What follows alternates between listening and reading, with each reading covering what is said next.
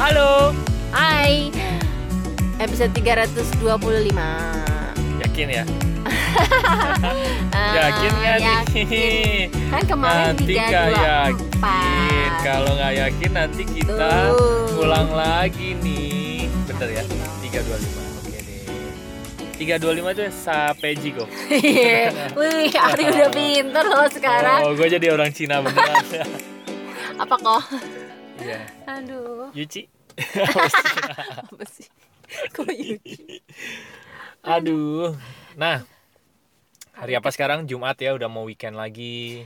Jumat bersih. Yang Ingat tahu itu berarti umur lo udah tua. Iya. Jumat Jadi dulu gua sama Rusi ya.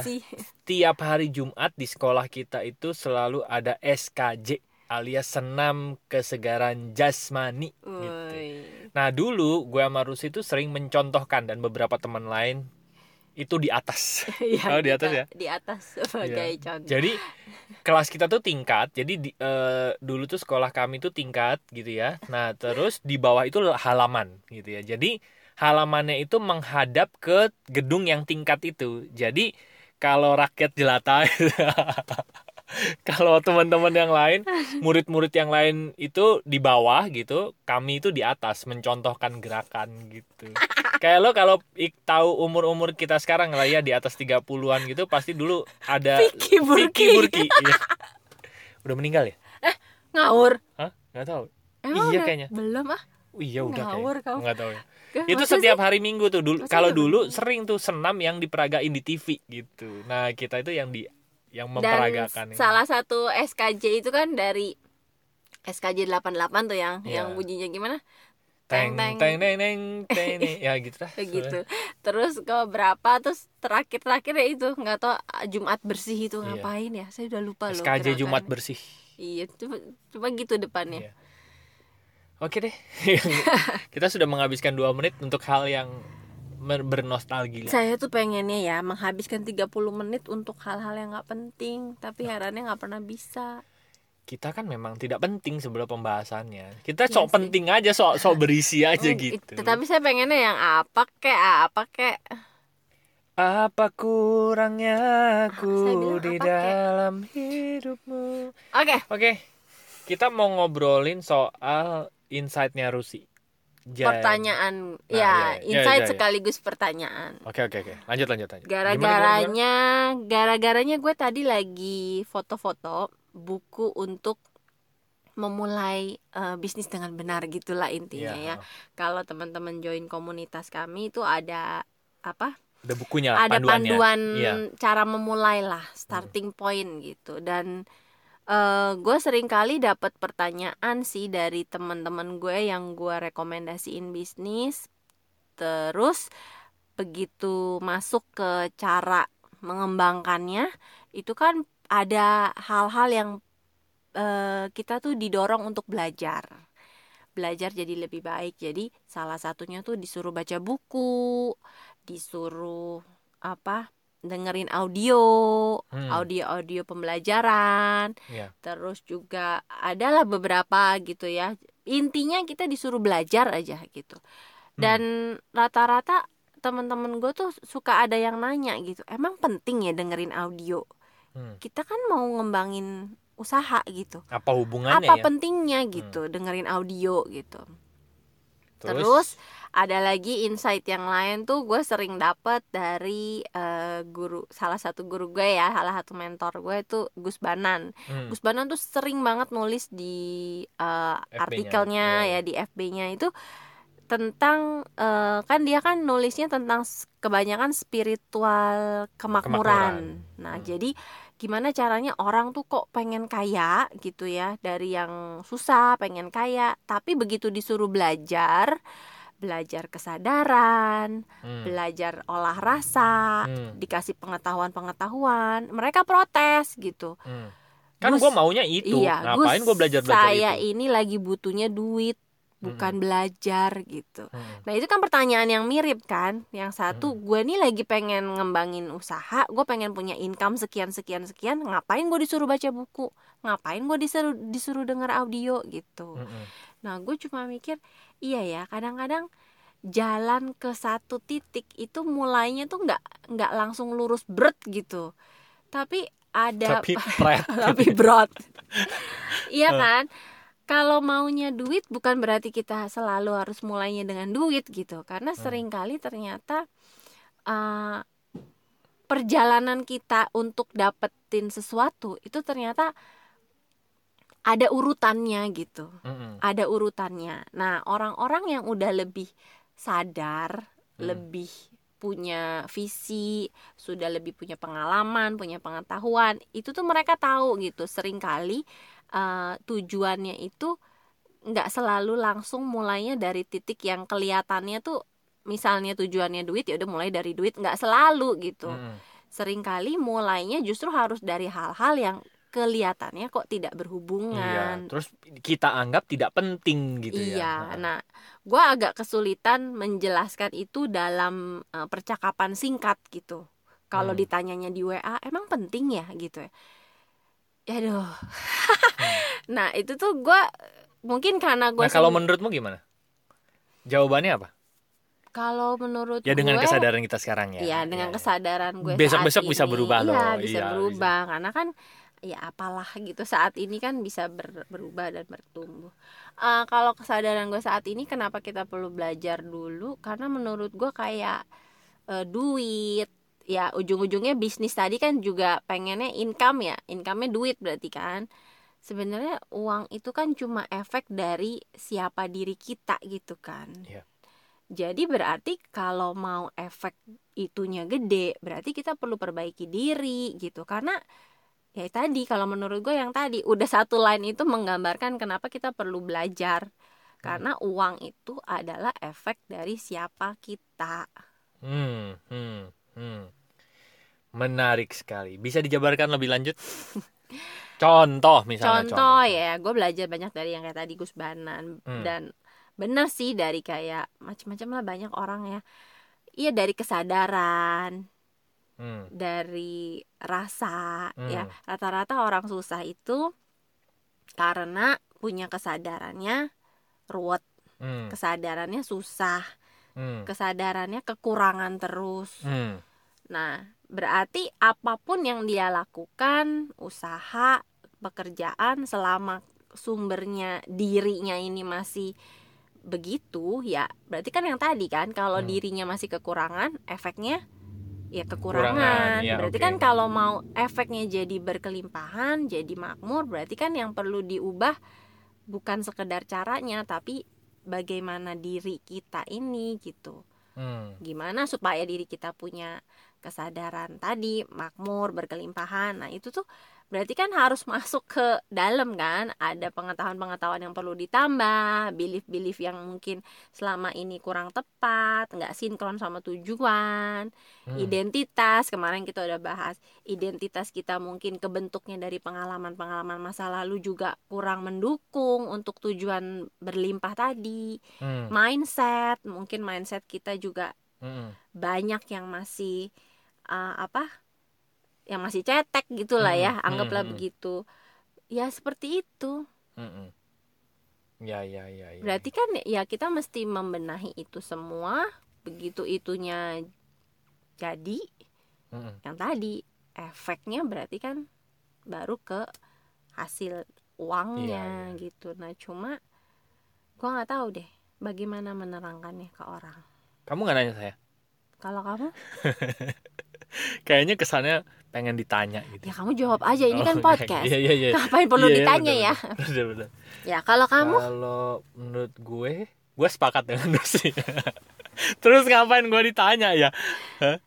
iya jadi Kalau gue pribadi gini sih ya, eh, sering kali orang-orang yang sudah melalui jalan lebih panjang dari kita, mm-mm. mereka tuh sudah melalui apa yang kita lalui. Nah, dulu mungkin mereka berpikir bahwa misalnya pengen uang ya udah gue pengen dapetin duit aja gitu, nggak usah belajar tentang apa, tentang diri, tentang kesadaran gitu. Sampai satu titik mereka akan mengalami kekosongan gitu. Gue masih ingat banget bukunya siapa ya, 12 Week itu ya Hmm, saat visi pribadi kita itu tidak sama dengan apa yang kita jalani, kita berakhir dalam kekosongan gitu. Se sering kali kita kalau misalnya dengar dari orang gitu ya ngapain sih harus ke sana dulu? gitu. Mungkin mereka nggak sebetulnya ngasih tahu kita lo jangan sampai lo berakhir di kekosongan seperti yang gue alami gitu. Tinggal mereka tuh sudah berpikir ja lebih jauh dari kita gitu. Tinggal lo mau menyelesaikan ini dalam jangka pendek atau jangka panjang gitu. Kalau misalnya jangka pendek tadi biasanya orang akan berakhir di beberapa aspek kekosongan dalam hidupnya gitu. Tapi pada saat orang yang udah jalan jauh banget mereka akan berpikir lebih dalam soal itu gitu. Soalnya mereka pengen bahwa kehidupan kita tuh jauh lebih lengkap daripada sekedar satu aspek yang terpenuhi gitu. Terus kalau gue ya kebayangnya justru uh, gini gue rada kesulitan ada di kepala gue intinya tuh gini sering kali kenapa orang-orang uh, guru-guru mentor-mentor itu bisa uh, tahu gitu bahwa oh akarnya tuh perlu mulai dari sini ujungnya tuh yeah. perlu mulai dari sini karena uh. sebenarnya mereka tuh udah bisa jalan mundur ngerti nggak hmm. maksudnya gini gue pernah dapet perumpamaan tuh dari Rinpoche apa siapa tuh yang hmm. ketika kita berdiri di atas gunung kita tuh nggak bisa ngelihat gunungnya gitu iya. tapi ketika kita turun iya. kita berjalan mundur lah ya mundur dari gunung kita baru bisa lihat gambaran gunung itu oh gunung itu begini gunung itu begini itu kan seperti kita kan ketika kita masih terlibatnya sama diri ya, ya sama diri hmm. emosi hmm. itu kayaknya kita cuma muter-muter di situ nah orang-orang yang udah lebih uh, apa ya lebih tinggi lah levelnya daripada gue gitu mereka tuh udah bisa mundur keluar dari diri ngeliat hmm. ngeliat gambaran yang oh gue tuh begini gitu hmm. nah perlu mundur itu dalam artian gini kalau kita di uh, mau jalan ke sana ternyata mulai dari titik ini kok nggak nyampe nyampe mungkin kita perlu mundur oh mungkin mulainya bukan dari sini hmm. kalau dari sini nggak nyampe juga mungkin perlu malah perlu mundur gitu loh hmm. kamu bisa ngebayangin nggak karena hmm. mungkin jalannya bukan lewat situ gitu hmm. jadi kayak misalnya gue ngebayanginnya kalau kayak kita aja kita dulu mau ngebenerin masalah duit cuma ngebenerin seputar seputar bisnis, bisnisnya, gitu ya. pilihan seputar, bisnisnya, uh, apa, seputar iya. bisnis, seputar peluangnya. Tapi ternyata kita diajak gitu ya, diajak untuk bukan cuma bisnisnya, coba deh masuk lagi tujuannya.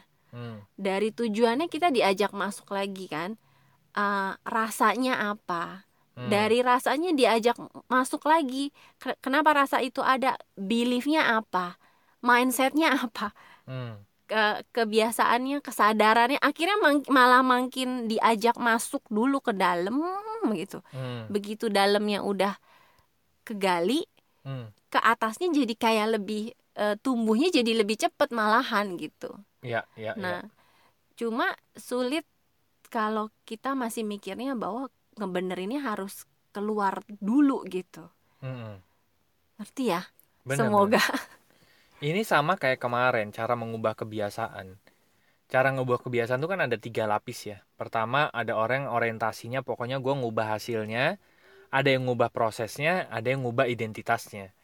Nah sering kali kalau cuman kan kalau yang hasil itu kan di luar ya lapisan paling luar. Iya. Untuk ngubah lapisan paling luar dia nggak bisa nembus ke dalam.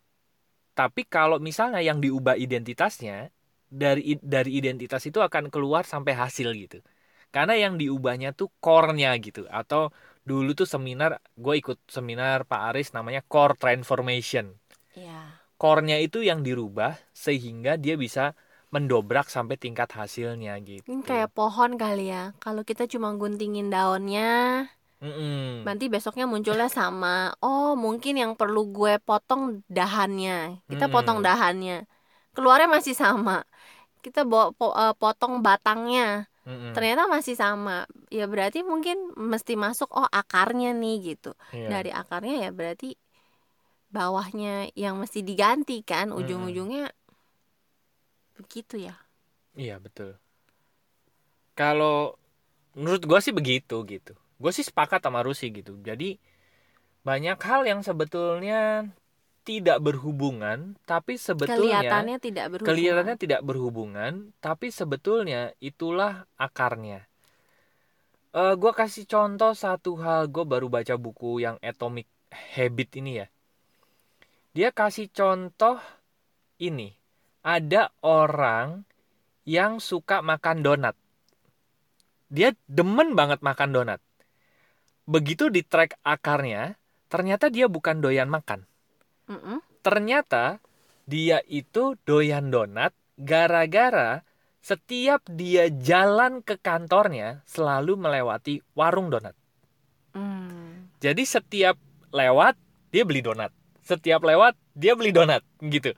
Nah, lama-lama terpola dia jadi suka donat. Padahal dia bukan suka donat loh. Kebetulan ke- karena bertahun-tahun dia melewati kantornya itu melewati warung donat. Jadi kalau lewatnya cilok, dia juga mungkin akan doyan, doyan cilok. cilok gitu. Nah, terus sebetulnya terus dia bilang kenapa ya gue bisa suka banget sama donat gitu. Di track track track track akarnya ternyata itu dia ka- ka- apa eh, setiap ke Karena kantornya lewat, iya. melewati warung donat. Orang donat. Nah, setelah itu ya dia coba untuk merubah kebiasaannya lewat jalan lain Oke. lewat jalan lain supaya ter- eh, terekam hal yang baru gitu. Dan semenjak itu karena dia tidak pernah mencium aroma warung donat. Lu pernah nggak sih kalau makan fried chicken itu ya? Iya. Di belakang fried chicken itu baunya enak banget loh. Dan itu Banget. sering menggoda ya kan? Bener. Gitu. Nah, dia mencoba selama ber apa Beberapa namanya waktu beberapa lah. waktu dia melewat jalan yang lain gitu. Karena dia tidak mencium aroma donat, dia tidak melihat orang lain makan donat gitu kan. Dia tidak tergoda untuk makan donat jadinya. Gitu. Nah, apa yang terjadi sebetulnya? Kok dia bisa berubah eh, siklusnya? Iya. Karena sebetulnya ah, sesuatu yang ada di bawah sadarnya, sesuatu yang ada di akarnya tuh berubah gitu. Benar. Dan akhirnya hasil akhirnya dia tidak makan donat, dia tidak kecanduan donat lagi gitu. Iya. Nah, sering kali kita tidak menyadari jalan lew jalan kita itu mungkin jalan yang keseringan lihat donat gitu. Benar. Seringkali mungkin kita ngelihat kenapa ya kok duit tuh eh, jarang mampir ke gue gitu ya. Karena mungkin di bawah sadar kita jalan yang sering kita lewati adalah lingkungan kita selalu kasih lihat bahwa dapetin duit itu susah gitu. Tapi coba kalau misalnya kita pi- apa puter jalan gitu ya, pilih jalan yang lain.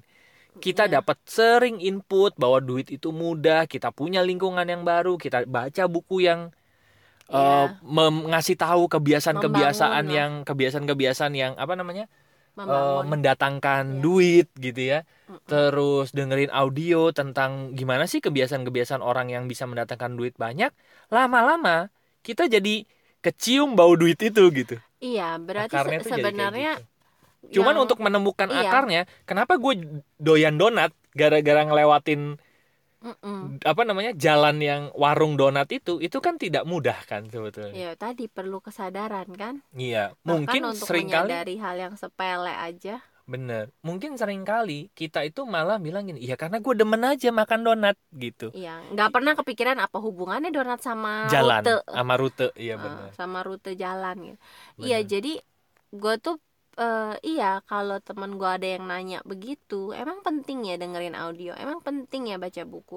Ya gue cuma sebenarnya gue pengen jawabnya gini, kalau kalau lu merasa itu nggak penting, berarti harusnya pengetahuan lo sekarang itu udah cukup untuk membawa lu ke tempat yang lu inginkan Mm-mm. harusnya tapi kalau sekarang ternyata belum ya berarti kan ada yang perlu lu bangun gitu Mm-mm. ada yang perlu lu upgrade nah di situ kenapa perlu baca buku kenapa perlu dengar audio gitu Mm-mm.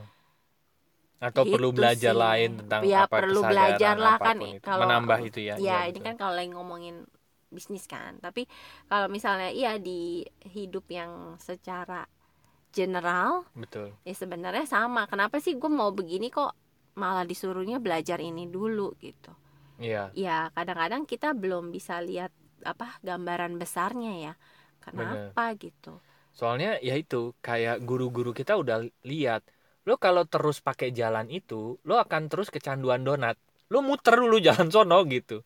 supaya bau donatnya lo nggak nyium gitu kan Iya. terus lo nggak lihat orang-orang makan donat dan akhirnya terbentuk satu pola baru lo jadi lepas dari kecanduan donat gitu nah Iya. sering kali jalan memutarnya itu yang lihat adalah guru-guru guru-guru yang udah melaluinya karena Iya, dulu karena mungkin mereka- mereka kecanduan donat gitu Iya benar, karena mereka mungkin dari pengalaman perjalanan mereka, mereka udah bisa dapat petanya gitu loh. Mm-mm. Gitu. Jadi mereka udah tahu oh kalau lu mulainya dari sini, lu nyampainya bukan ke sana gitu, lu nyampainya Benar. ke yang lain. Berarti lu harus harus mundur. Apa mulainya dari tempat yang berbeda bukan dari situ gitu. betul betul betul karena kalau melalui jalan itu ya hasilnya akan balik lagi balik lagi gitu Iya Gitu sih, sih. jadi intinya mungkin sering kali jalan itu tidak lurus. Mm-mm. Ya. iya Seringkali jalan itu ternyata memang harus belok harus belok belok belok belok. Tapi ujung-ujungnya, ujung-ujungnya demi iya. demi kita juga demi kenikmatan kita juga gitu kan. Iya. Kalau ujung-ujungnya buat kita juga ya jalanin aja. Daripada ngelewatin jalan yang itu-itu terus tapi nggak nyampe-nyampe malah buat kecanduan hal-hal yang menjerumuskan kita. Gitu. Mending muter dikit dulu bentar doang ya kan? Habis itu nyampe ke tujuannya gitu. Gitu deh. Ya, betul. Ya kan ya ini podcast ini sebenarnya gue ngomong sendiri ya sebenarnya. Ini Hmm. per- salah satu percakapan yang ada di kepala gue kenapa begini terus nanti ada yang jawab yang kayak tadi. Hmm ya udahlah. Ya mungkin begitu. Itulah yang sering kami lakukan sebetulnya. Kalau kami itu punya ini gimana ya ini sebetulnya ya? Ini gimana ya? Gitu. Dan kami coba apa ya menelaah nanya sendiri, sendiri gitu ya. Iya, jawab benar. sendiri. Benar betul betul ada satu ungkapan yang tadi gua cerita sama Rusi bagus banget tuh. Yang apa? Saya bilang perilaku itu dibentuk dari kesadaran apa? Perilaku kamu ngomongin itu soal kesadaran Iya. tadi. Perilaku kita itu itu hasil dari sebuah kebiasaan. Nah dan yang menarik yang kamu bilang tadi dan yang menarik tujuan adalah kita membuat kebiasaan Betul. adalah untuk kebebasan. bebas. Tujuan kita ah, gini perilaku kita itu terbentuk dari sebuah kebiasaan. Dan kebias untuk mengubah kebiasaan kita perlu kesadaran. kesadaran. Apa? Karena kita nggak sadar loh kalau itu udah jadi terbiasa kita nggak sadar gitu. Nah sama kayak tadi banyak orang tuh mikir ya kalau gue pengen duit ya langsung duit aja gue ngelakuin itu. Karena sering kali mereka sudah sangat terbiasa dengan hal itu. Karena kalau kita udah terbiasa kita itu udah nggak bisa mikir. Kesadarannya tuh jadi rendah gitu nah contoh kayak oh iya benar kayak kalau udah kebiasa kesadarannya jadi jadi rendah, karena rendah. udah Karena otomatis kayak kita ngelewatin jalan yang biasa kita ini aja ya kita tuh hampir ya kalau melakukan hal-hal yang udah biasa emang nggak perlu fokus pun kita bisa Bener. ngelakuin bener kita itu yang dimaksud kesadarannya jadi rendah betul. betul, gitu nah terus makanya Ya. untuk sampai bisa mengubah hidup kita perlu mengubah kebiasaan betul kan Ya. Nah untuk bisa mengubah kesada eh, kebiasaan kita perlu sadar kebiasaan mana yang sebetulnya tidak efektif membawa kita ke tujuan. Ya. Gitu. Nah, tidak ada kebiasaan buruk atau kebiasaan baik loh. Tidak ada. Betul. Yang ada sinkron apa enggak? Bener, yang ada adalah kebiasaan itu efektif nggak dengan tujuan kita Iya. gitu. Nah, sering kali orang itu tidak sadar dengan kebiasaan namanya juga udah kebiasaan. Kayak kita bangun tidur pagi, gosok gigi tangan kiri, tangan kanan, udah nggak pakai mikir ya, lagi ya, gitu kan. sambil gosok gigi udah bisa sambil ngapa-ngapain Udah otomatis kan. iya nah udah Gitu. otomatis Nah, Itu untuk kebiasaan sehari-hari untuk gosok gigi gitu ya. Bel- eh, kita punya loh kebiasaan soal duit. Itu punya kebiasaan soal duit. Nah, iya benar gimana kita kadang-kadang kita nggak sadar terhadap eh, kebiasaan kita soal duit cara kita membelanjakan mental, uang ya. terus iya cara kita mendapatkan uang gitu. Itu Cara kita kita nggak sadar cara kita mengelola. Kita nggak sadar karena itu kebiasaan. Nah kebiasaan itu dibentuk dari apa yang ada di dalam pengetahuan yang ada di dalam diri kita gitu.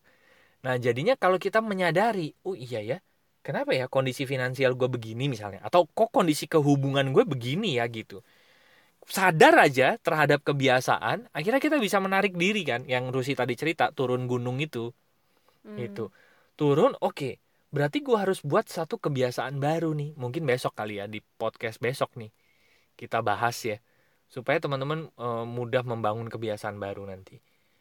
Eh, lihat, oh gue perlu membangun kebiasaan baru yang efektif untuk menyikapi hal ini gitu. Hmm, iya. Semuanya dimulai dari kesadaran gitu. Itu juga kenapa tagline kita Lompatan hidup dimulai dari lompatan kesadaran. Gitu. Gitu ya. Hmm, Iya iya. Oke deh teman-teman, bagi teman-teman yang masih ingin ngobrol bareng kami, silahkan masuk aja ke website kami yaitu Lompatanhidup.com. nanti ada tiga page di sana. Yang pertama ada home buat ngobrol, buat chit-chat, buat ah ngobrol apa aja silahkan kontak aja kami di sana. Nanti ada tombol WA-nya, klik aja nanti terhubung dengan WA kami. Lalu yang kedua ada Bisnis eh yang ada konseling dan, event. Buat teman-teman yang ingin mendapatkan layanan jasa profesional kami. Dia nggak fokus ini. Ya, ini itu kan- terbiasa. itu ini kan ada- kebiasaan. ini namanya Bukan, kebiasaan. Itu kan udah bagiannya Ari Iya. katanya. Kenapa gue tiba-tiba harus standby juga? Ya udah, konseling dan, event. buat teman-teman yang ingin mendapatkan layanan jasa profesional kami, melakukan sesi terapi, melakukan sesi konseling atau mengundang kami bicara di event, masuk aja di page itu nanti ada tombol WA, klik aja di situ. Yang ketiga ada Bisnis. buat ya buat bisnis. Buat teman-teman yang mau tahu apa, terus eh, katanya ada program mentoring juga untuk bisnisnya. Itu bisa masuk ke page yang bisnis. apa sih rekomendasi bisnis Iya. dari kalian gitu ya. Bisa Kan masuk aja situ. kontak Oke. Terima kasih sudah mendengarkan episode 325. Sampai Jigo. Ya, semoga bermanfaat dan sampai jumpa di episode berikutnya. Thank you. Bye bye. See you.